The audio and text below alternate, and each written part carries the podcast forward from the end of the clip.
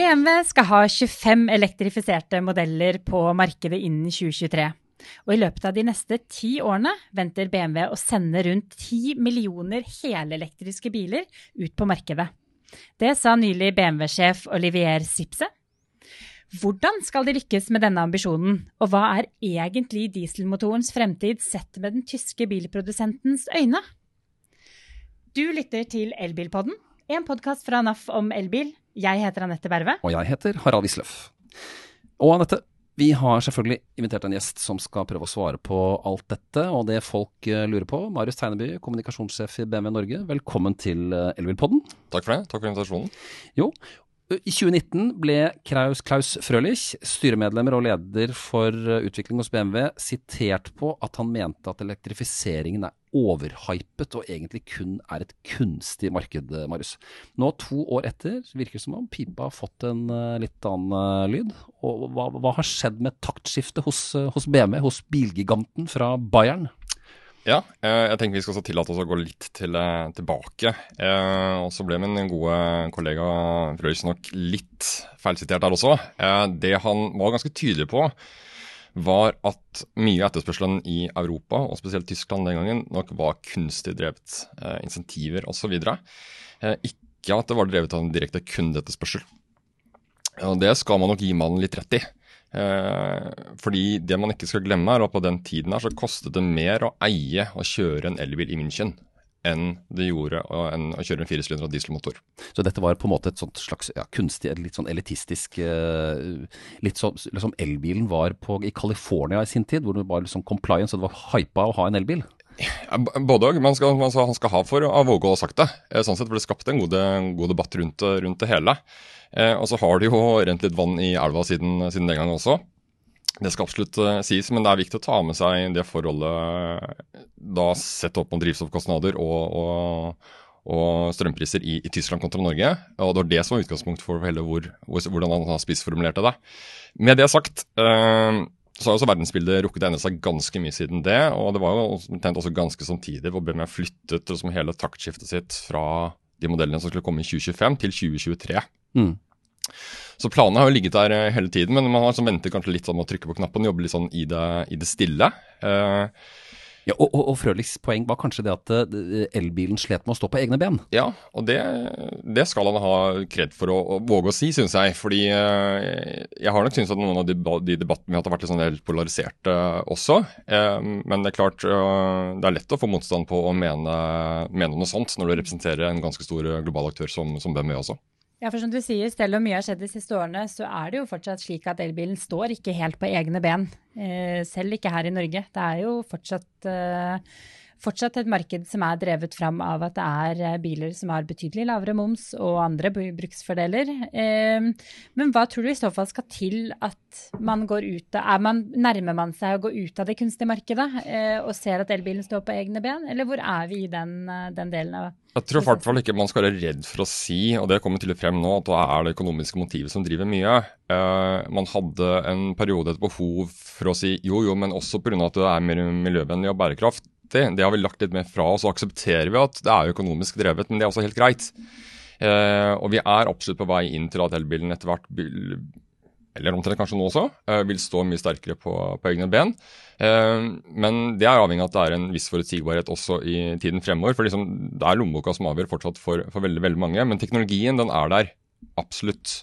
Uh, og vi skal ikke veldig lenge fram i tid. Uh, I det markedet der ett år til, så er markedet fylt med elbiler i alle former og fasonger i, i stor grad fra en rekke produsenter.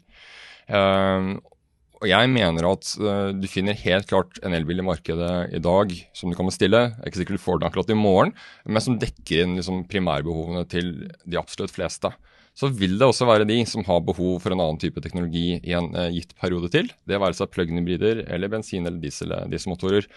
Uh, men det, liksom, det, blir naivt å si at vi ikke er der at elbilen har hatt det som et solid gjennombrudd, og at det vi gjør nå er på vei inn i en helt ny fase.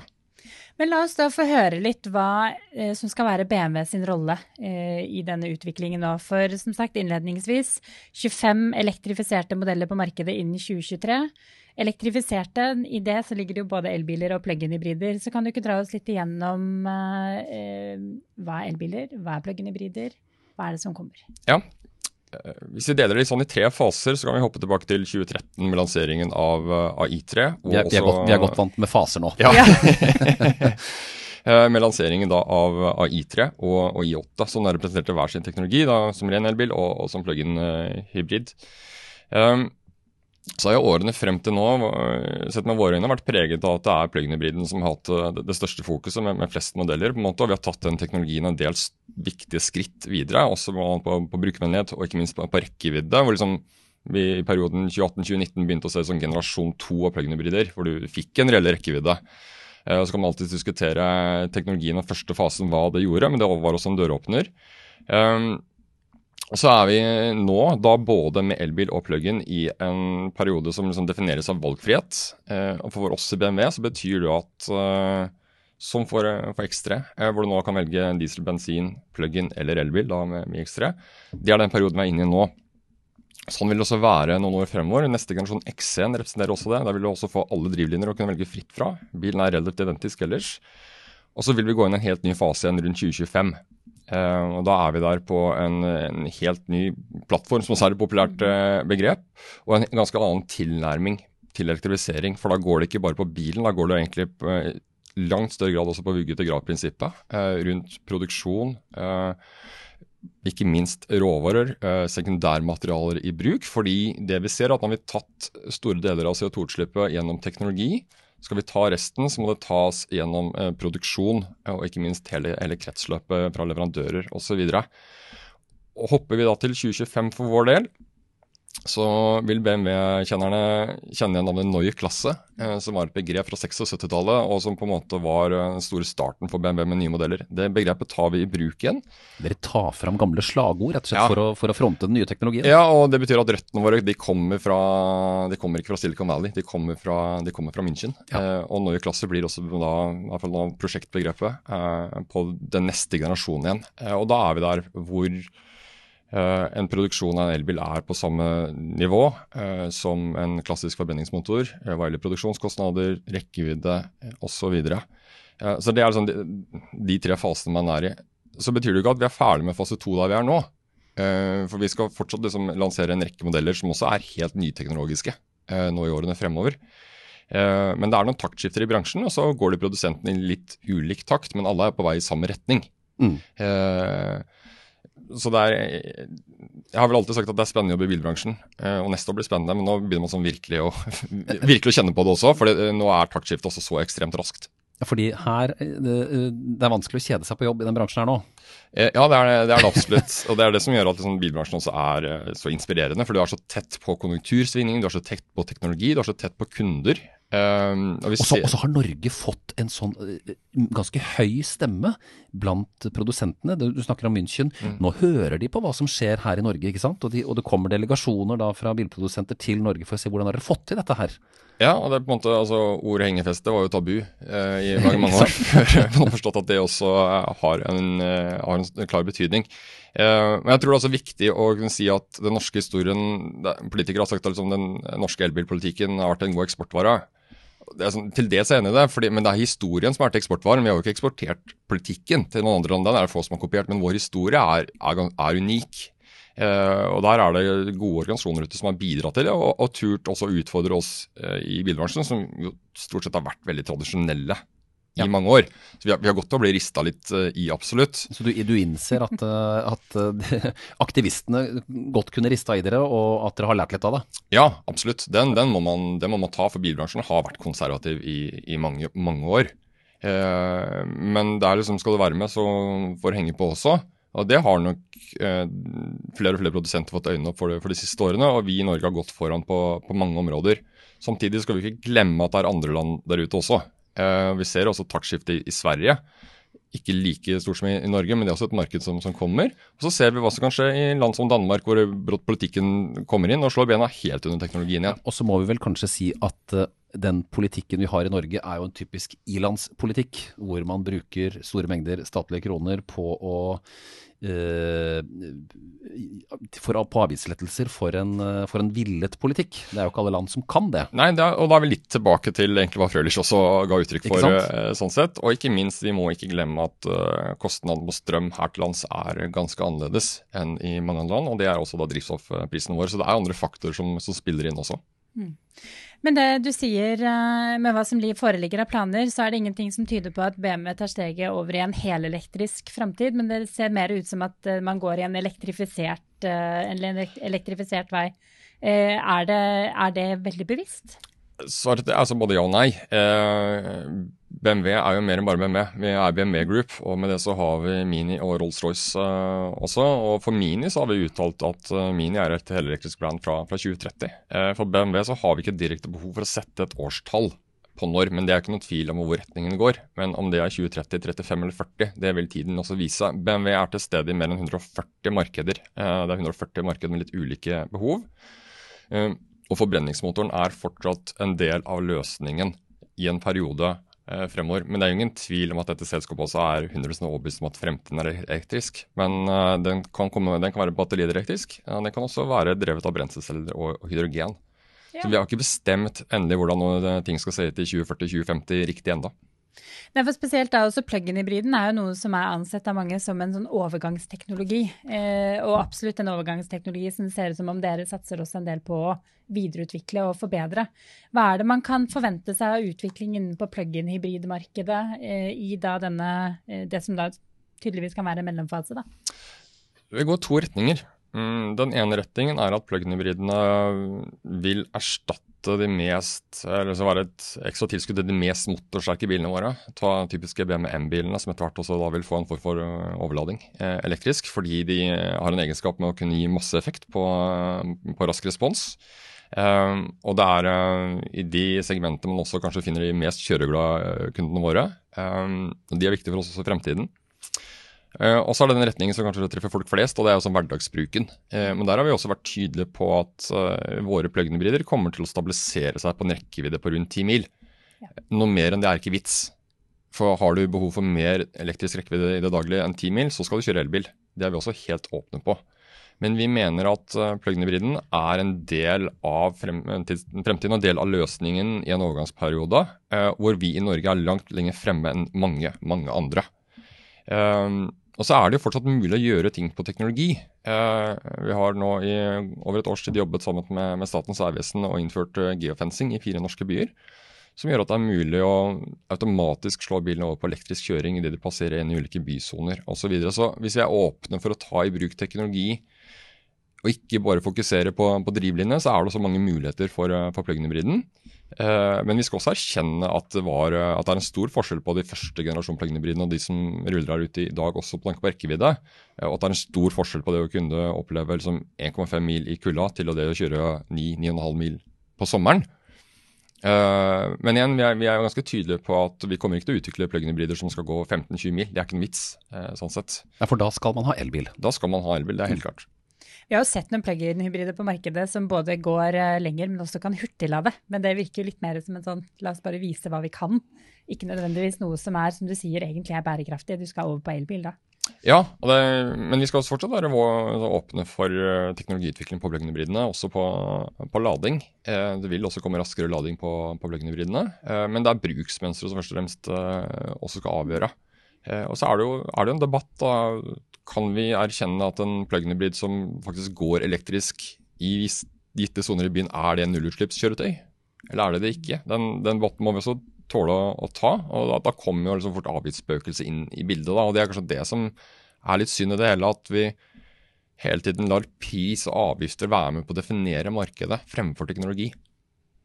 Ja, og Spesielt også da når det faktisk nå begynner å ligge muligheter i teknologien som gjør at du faktisk vet om folk eh, kjører på Eh, strøm eh, på batteriet? Eller om det Ja, det er altså målinger fra ja, både Volvo og Ford som har vært ganske tydelige på at deres plug-in-hybrider går eh, ja, rundt halvparten halvparten pluss på, på, strøm. Og det gjøres gjerne ofte i lokale, lokale områder. Um, og, og, som sagt, vi, vi, ser at den teknologien har absolutt tatt et steg, og den kommer til å ta enda, enda et steg. Men igjen, vi er ganske langt framme i skoa her i Norge, så vi vil nok ikke ha det samme fokuset på plug-in-hybrider eh, fra 2025 til 2035 som andre markeder har. Eh, men for BMW så er power of choice, som vi kaller det, altså friheten til å velge for forbrukeren, har vært vesentlig for oss og kommer til å være det videre. Men med det sagt så vil vi også liksom, vi nærmer oss 2025. Eh, og det sa jeg jo, Nå kan jo enhver gå til å velge seg omtrent en elbil i dag som dekker de fleste behov, så vil utvalget være enda større i 2025. Vi, I 2023 så dekker vi 90% av segmentene, våre med elektrifiserte biler. Betyr det at kanskje fra 2023-2025 så kommer ikke dere til å selge rene bensin- og dieselbiler eh, fra deres forhandlere? Et eh, utvalg vil det, vil det, vil det være, men det er jo helt klart uh, Hvis vi tenker neste generasjon X1, som ikke er så langt unna, så er det jo plug-in-hybriden og den helelektriske som er, uh, er, de to kortene vi kommer til å legge, legge i den kabalen. Og så skiller det altså litt sånn fra segment til, til segment. men i stor grad så er, vil alle bilene som ruller ut fra, oss i årene fremover være en form for elektrifisert. da er det jo et da skiller mellom de rene elbilene og plug-in-hybridene. Eh, og så vil vi ha et knippe med det som gjerne betales som mildhybrider i dag, som er litt sånn misvisende begrep. For det er enten en diesel- eller bensinbil, men det har litt hjelp on top. Eh, men for oss så er det gjerne liksom de mer nisjemodellene. Og det er ikke de bilene som er med på å velte målet om 2025 heller. Det er så viktig å få med seg. Om vi i 2025 er på 90-95% så lever vi nok ganske greit med det. Men i disse dager så, så snakkes det ganske varmt uh, og høyt om hvor, hvor, hvor, vi skal. Og så tror jeg at bildet skal også få være litt mer nyansert da, i årene, årene fremover. Det morsomme her er jo at eh, BMW var tidlig ute med elbil uh, i, i, i, Norge. Og vi har, vi har liksom uh, gjort mye poeng av Nissan Leaf, som var liksom volym, første volumbilen på elbil uh, i, i, Norge. Men, men, I3 var jo tidlig ute, den. Og det var en Så kan man si hva man vil om noen syns den var stygg, og andre syns den var nyvinnende. Og nyvinnende, det var den i hvert fall. Og så har BMW nå valgt en, en litt annen strategi enn andre produsenter, som har kastet seg rundt og øh, skal elektrifisere veldig fort. Og hvordan henger dette sammen? Hvorfor velger man da denne strategien? Har det igjen med Frølik å gjøre, dette med bærekraft og eller bæ at det skal være, uh, stå på egne ben? Ja, Nå er det jo flere enn Frølik som har vært med på å stemme fremtiden til, øh, til BMW. Men som sagt, det har vært litt sånn stille, sten på sten. Og så er det jo den tyske grundigheten bak også. Så ser man det med de bilene som kommer nå, så er det jo liksom en, en, nyere generasjon enn det som man kunne sluppet i 2016-2017 hvis man hadde hatt en sånn tilnærming. Men vi skal også huske på det at når BMW I3 ble lansert i sin tid, så var det ikke sånn at man bestemte at rekkevidden skal være X. Rekkevidden på I3 er akkurat skjæringspunktet eh, mellom produksjon og, og, hvor bærekraftig det hele kan være. Det var det som bestemte hele utgangspunktet for, for I3. Og det var den tanken man ønsket å ta med seg videre til også eh, en neste modell. Men da så man at kravet for rekkevidde begynte å øke ganske betraktelig. Og så måtte du ha en liten annen tilnærming til det. Uh, men jeg vil sånn tilbake til, uh, til, spørsmålet ditt, så har man jo ja, endret litt kurs underveis, fordi man også har sett behovet for å ha både de, sånn, de helt rendyrkede elbilmodellene som står uh, for seg selv, som I3. og Det viser jo også på en måte med, med IX, som også blir en helt egen bil. mens vi på, på I4 i stor grad har en elektrisk 4-serie, så vi kommer fortsatt til å ha modeller som skiller seg i større grad ut, både på design og tilnærming. Mens vi også som elektrifiserer da hele liksom, flåten, hele, hele modellutvalget. Um, men I3, og du nevnte Leaf, og jeg vil også nevne Tesla Model S. altså Det er flere modeller som har vært med på å liksom, definere startpunktet. Uh, sånn sett. Og For oss så kommer I3 til å gå inn i historiebøkene som en av liksom, de virkelig pionerene Eh, og Nå ruller det snart 30 000 IT-er på, på veien her til lands, og de kommer til å rulle i mange år fremover. Og vi ser at eh, bilen også lever bra i dag til å være en åtte år gammel bil, for å si det sånn. Den oppleves fortsatt som relativt moderne. Den gjør det. Og, vi, og vi, hadde en, vi hadde en ung bilkjøper her på 26 år for noen episoder siden, og hun landet jo da nettopp på I3 mm. som sin første bil. Ja, og som du sier, den, seg, den har holdt seg veldig godt i markedet. Eh, den traff veldig godt på både da etter hvert hvordan utviklingen har vært på rekkevidde, men faktisk også ladehastigheten. Eh, for den holder og leverer bra sommer og vinter. Så den, har, den er jo Et av våre favorittbruktkjøp å trekke fram når eh, media spør eh, hva er de beste bruktbilene du kan skaffe deg, så er I3 en av de som bare holder stand. Ja, og den har på en måte sin historie med, med hele produksjonstilnærmingen rundt det. Og vi så jo spesielt i sånn, rundt 2017 og 2018, hvor liksom det virkelig begynte å komme nye modeller i segmentet, også, så var det liksom den litt unike historien til, til I3. Det var det ingen som kunne ta den på. De kunne matche den på, på rekkevidde og, og pris og, og, litt sånn, men det var ingen som hadde den samme unike tilnærmingen som I3 hadde. Og det var en veldig forskjell for oss i, det, i den perioden der. Uh, og så er det fire seter og litt rare bakturer osv., men det, det, fungerer helt fint for, for, kundegruppen. Og så er det for mange vært en bil nummer to, som også har blitt bil nummer én også. Selv en I3. Selv en I3. Og så lurer jeg på uh, jeg, En bekjent av meg hadde i sin tid en stor, tung BMW i 7-serien med en svær motor og dette klassiske, godt sammenskrudde interiøret. Rød lys i alle knapper og i dashbordet. Hva sier dagens BMW-kunde når de kommer inn til forhandlerne? Hva skal de ha?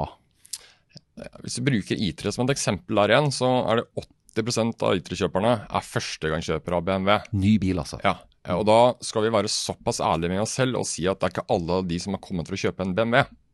Nei. De kommer for å kjøpe en elbil. Mm. Og så var det I3 vi hadde å by på. Uh, og jeg har også møtt kunder som sier nei, men rekkevidden var bra, prisen var fin, og kona likte setene, så den, den tok vi. Det var liksom beslutningsgrunnlaget. Så vi har møtt veldig mange nye kunder. Uh, og så har jeg sagt det vårt mål å få med flesteparten av de kundene videre inn vår, vår verden. Men vi må også selvsagt se at kunder hopper en del. De har hoppet etter rekkevidde, de har hoppet etter teknologi på elbil. Eh, og kanskje da i storbilsegmentet hvor vi ikke har vært til stede før nå, så ser vi at kunder har gått til konkurrenter, og så kommer de nå til, tilbake igjen. Men kunder har også andre preferanser nå enn de hadde tidligere. Og da er jo spørsmålet hvor mye av liksom det helt klassiske DNA-et ditt tør du gi slipp på før du også begynner å miste erkekundene. Eh, sånn sett. Og det er en balansegang. Ja, det er litt spagaten dette her, for, for en sånn en tradisjonell bilprodusent som BMW, som fortsatt har veldig mange tradisjonelle konservative kunder. Ja, altså jeg skjønner at det er en gang fra når du er vant til å ha skinn på dashbordet, til å brått liksom forholde deg til bambus. Det, det, det, den, den, ser man absolutt, eh, men her kommer liksom finesse og teknikk inn. og det er på en måte, mens Man kan si mye om at eh, I3 ikke er en BMW også, for, for mange, men i stor grad så er den jo også en veldig BMW. Eh, også med tanke på kjøreegenskaper og den, den, biten der. Men vi må også være åpne for, både vi som representerer en produsent og kundene, at ting forandrer seg litt. Eh, det ser vi også med, med IX. Eh, det, det, kommer til å være nytt for mange. Men vi er ganske overbevist om at liksom, når du begynner å leve med den bilen, så oppnår du absolutt BMW-DNA i, eh, i, den også. Eh, men vi er på vei inn i en litt annen retning. Og for liksom de, de erkepuristene så er nok det kanskje en litt lengre vei å gå enn for de som er førstegangskjøpere. Mm. Men er ikke det egentlig et sunnhetstegn i markedet når man begynner å få den merkelojaliteten kanskje tilbake igjen? Eh, fordi at det er som du sier, det har jo vært en krevende periode hvor egentlig du har solgt biler egentlig mest bare fordi du har en elbil. Ja. Eh, og, det, eh, og, det, har ikke vært alternativer for folk. Folk har ikke hatt valgmuligheter. Nå kan de faktisk sitte og velge. Hva er mine behov? Hva er mine preferanser? Og litt den der tilbake til hva er det jeg liker? Ja, og da er vi litt uh, Som vi snakket litt om før sendingen begynte her også. det hvor man før kom inn i bilbutikken altså Vi er en familie på fire. Stasjonsvogn SUV, det er tror du nå for oss. Hva har du? Til at vi kom til at vi skal ha en elbil. Hva har du? Og så var det det alene som definerte hvilken bil du skulle Du hadde bestemt deg for at du skulle ha en elbil, og du lyttet kanskje ikke så mye til uh, egne behov heller. Mens nå er jo valgfriheten langt, langt større. Og jeg er også overbevist om at nettopp merkevarer til den følelsen som merkene kan gi deg, eh, forhandleropplevelse, alt dette kommer til å bety mer igjen i årene fremover. Fordi nå har vi vært gjennom perioden hvor det har vært typ pris, rekkevidde, levering som har definert alt. Eh, men nå er utvalget mer likt. Eh, de fleste produsentene er sånn omtrent på samme, samme nivå. Og da er det andre preferanser som begynner å, begynner å spille inn. Men man skal passe seg veldig for å ta på seg eh, eh, eller klatre opp på en høy hvit hest og tro at uh, merkevarer redder alt fremover. Fordi som sagt, bilbransjen blir utfordret, og med en rekke nye produsenter uh, som kommer inn, som ikke har en historie å skulle ta vare på, som kan komme inn og etablere seg nå. Uh, du skal være ganske oppmerksom på det, altså. Eh, og jeg tror også forbrukerne det har det vist at vi er mye mer nå åpne for merker som ikke har vært representert i landet tidligere. som Du har ikke vokst opp i baksetet på en, eh, den bilen osv. Det, det tar vi til oss på en helt annen måte nå. Du ville aldri kjøpt bil fra Kina for fem år siden. Uh, annet enn at uh, noen produsenter produserer i Kina. Men dette her er, dette er jo dramatisk for bransjen på veldig få år. At det har blitt sånn enorme endringer. Det er det. Eh, og der amerikanske biler har sin storhetstid, tyske biler har sin storhetstid, koreanske, japanske osv., så, så må man vel åpne for at det er det kinesiske markedet fremover, de produsentene, som bestemmer mye av takten eh, og utviklingen. Og Det er jo også anledningen til at mange store globale og tyske produsenter også har etablert seg nettopp i Kina. Eh, det var fort gjort å høre ramaskrik om at IX3 også skulle bli produsert i Kina, som den blir. Eh, det har ikke vært mye debatt om det, for det er fortsatt en bil som leverer på alle liksom, de tyske kriteriene allikevel. Og det må være åpne for at verden er, er global. Jeg spurte en gang en uh, tysk kollega om han så på BMW som et tysk internasjonalt selskap, eller et internasjonalt tysk selskap. Dro han litt på smilebåndet og sa han it's, it's Bavarian. Altså, ja. det, var, det, var, noe helt eget. Eh, men igjen, det har rent litt vann i sjøen siden, eh, siden, den gang. Man må se på det med litt mer internasjonale briller. Sagt, vi er til stede i 140 markeder, eh, produksjon verden over. Eh, eksempelvis USA. altså BMW er den største bileksportøren fra USA målt i verdi. Eh, vi har produksjon i Kina, i Sør-Afrika, rundt om. Eh, men det er helt tydelig at Kina kommer til å ha veldig mye å si i årene fremover. Både for de etablerte og ikke minst for mange av de nye produsentene vi nå ser. Men over hele verden nå så er det jo da deres forhandlere møter eh, neste generasjon elbilister. Eh, og neste generasjon elbilister er ikke nødvendigvis teknologientusiastene og disse her first movers, de som liker å være først ute med ny teknologi, nye produkter. Og som også da er en type gruppe som setter seg inn i, i alt som har med det produktet å gjøre. Nå kommer det veldig mange inn i butikkene deres, hos forhandlerne deres, som skal ha en bil som funker fra dag én. Eh, hvordan jobber deres forhandlere med å forberede de nye elbilistene på hvordan det er å være elbilist? For dette er en litt annen bilhverdag. Det er det. Der har jo vi en god erfaring gjennom å ha hatt I3 i butikken i mange mange år og vært med på mye av kundereisen. For dette var så helt nytt for BME eh, i den tid. Eh, men det vi kanskje nå ser, er at mange av de spørsmålene man fikk helt til å begynne med, de er liksom på vei tilbake igjen, som du sier. For nå er vi inne på en ny generasjon kunder som ikke har vært med på den reisen. Ikke har vært gjennom elbilen med kort rekkevidde, som har tatt et steg videre og som har vært med på reisen og forstått teknologien. Det er jo en grunn til at folk fortsatt spør andre hvorfor viser bilen min nå fire mil mindre rekkevidde enn forrige uke. Er det noe galt med batteriet osv.? Fordi man ikke har forstått helt bruken. Du har ikke dratt med den erfaringen. Uh, og Det ansvaret det, det ligger hos eh, både en samlet bransje, eh, men også vil jeg si, litt sånn i deres eh, hender. Eh, eh, på å formidle sånn gode fakta og gode tilnærminger eh, til deg. Rekkevidde er, liksom det, det, er det som trykker mest av alt. Og så er det for noen litt klønete med lading. og kanskje litt sånn klønete med å få appen til å fungere med bilen og alle, ta alle bilens tjenester i bruk eh, osv. Men det viser helt tydelig at vi har en ganske lang vei å gå fortsatt her til lands med å forstå elbilen og liksom måten den virker på i, i hverdagen. Um, og da er det liksom Vi har hatt mer fokus på rekkevidde enn forbruk i dette landet. Du er opp, opptatt av liksom hvor mange kilometer står det igjen i displayet, fremfor hva bruker jeg kontra liter per mil. Så liksom har du spurt folk hva, hva, hva, hva bruker bilene på mila, så har de fleste liksom hatt 0506, et eller annet sånt nå. Men spør du hva er kilowattforbruket ditt, så er det tatt lengre tid å etablere en forståelse eh, for det. For vi har låst oss så veldig liksom, hvor langt går den. Ja, og så er det jo spennende å se hvor lenge vi i det hele tatt måler dette med batteristørrelse og sånne ting. Når batteriene er så rause at altså, Det er jo ingen i dag som spør hvor stor tanken på bilen er. Nei, og da er jo sånn spørsmål skal elbil eh, Skal man også kjøre rekkeviddetester på elbiler i 2025? Eller er vi da for, for, forbi det? Eh, det er det som venter oss eh, fremover, men det er viktig å få med seg forbrukerne også nå i den perioden fremover. For elbil er fortsatt nytt eh, for mange. Og så er det jo skeptikere der ute. Noe, noe, er berettiget, annet er kanskje litt sånn farvet av å være litt vrang. Ja. ja, for vi i NAF har jo utfordret dere i bilbransjen eh, på å eh, la oss si tørre å snakke mer om Eh, egenskapene til bilen på en mer realistisk måte. Mm. Kanskje droppe disse inntil opptil eh, den mest utopiske rekkevidden, og faktisk eh, snakke mer om hva som er realistisk rekkevidde. Eh, opp eh, netto og brutto batteripakke eller batterikapasitet. Og også snakke om ladehastighet på, på en litt annen måte. Eh, for for, nettopp for å forberede folk på hva de faktisk kan vente i hverdagen. Eh, føler du at den kritikken NAF har kommet med, har vært berettiget? Både ja og nei.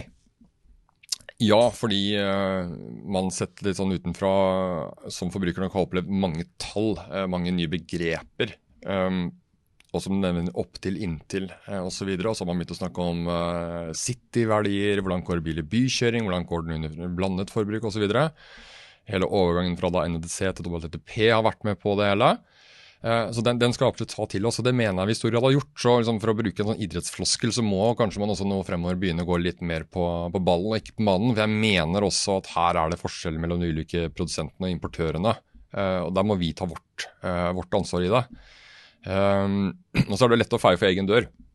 Jeg mener at vi i BMW har vært ganske tydelige på, på hva vi kommuniserer. Uh, men samtidig så bruker også vi disse opp til inntil, fordi på en måte det er det som er målestokken. Uh, og så er man, Det man kanskje liksom glemmer i det, er jo at man er så bundet av type markedsføringslov til å oppgi en del egenskaper. Uh, fra til. Men så er det andre som bruker til fra osv. Så, videre, så vi har ikke funnet det der ene begrepet som bransjen kunne blitt enige om, som nok hadde gjort det litt enklere. Og så er det jo store variasjoner der ute mellom sommer og vinter osv. Men vi må nok også erkjenne vi kommer ikke dit at vi får en offisiell VLTP-måling på minus fem grader. Den er ikke reell for store deler av verden. Så vi sitter litt annerledes her oppe på, på toppen av jordkloden og har litt andre utfordringer enn en andre markeder når kommer til rekkevidde. Og det forplikter igjen oss. Um, men det finnes ikke nødvendigvis et, et fasitsvar på at en bil eksempelvis går halvparten på vinterside osv., for det er så individuelt. Uh, men jeg, det er en debatt jeg gjerne hadde sett at vi hadde turt å ta litt mer i plenum også. og Funnet en litt sånn felles vei videre uh, på det. For mye av det er jo også erfaringsbasert på, på brukerne der ute. Ja, Som du sier, det, jo, det, varierer jo såpass fra bil til bil at man kan ikke si nødvendigvis halvparten av rekkevidden reduseres med, med 50 på vinteren. Det viser jo NAF sine rekkeviddetester. Der er det alt fra hva er det der, 3 til, eh, til 30 Absolutt. Så det er store variasjoner. Jeg lurer på om det er faktisk det vi rakk, Harald? Det er en god punchline, eh, Marius ja. Tenneby. Eh, jeg har lært masse om BMWs eh, planer for fremtiden. Og så er det morsomt at BMW faktisk har vært med oss elektrisk da, siden både Leaf og I3 kom. Takk til deg, Marius Tenneby. Og lykke til med BMWs reise mot elektrifisering. Takk for det. Det blir veldig spennende til den, og så ja. gjerne med dere på laget videre der også. Det, det blir en veldig spennende høst, faktisk, ja. for det kommer jo mye raskt. Ja. Vi takker for oss her fra studio i NAF. Og hvis du vil abonnere på denne eh, podkasten, så finner du oss i alle kjente podkast-apper. Det er bare å søke på Elbilpodden, og vi publiserer på Facebook og på våre egne nettsider naf.no slash elbil. Og vi er jo på Instagram innimellom også, Anette. Der er vi ganske mye. Ja da, Har du et spørsmål, så kan du rett og slett bare bruke Messenger på NAF Elbil på Facebook. Så svarer vi deg så fort vi kan. Vi er tilbake om 14 dager med en ny episode, og i mellomtiden får du hygge deg med nye og gamle episoder av Elbilpodden. Så ses og høres vi snart. Ha det bra! Ha det godt!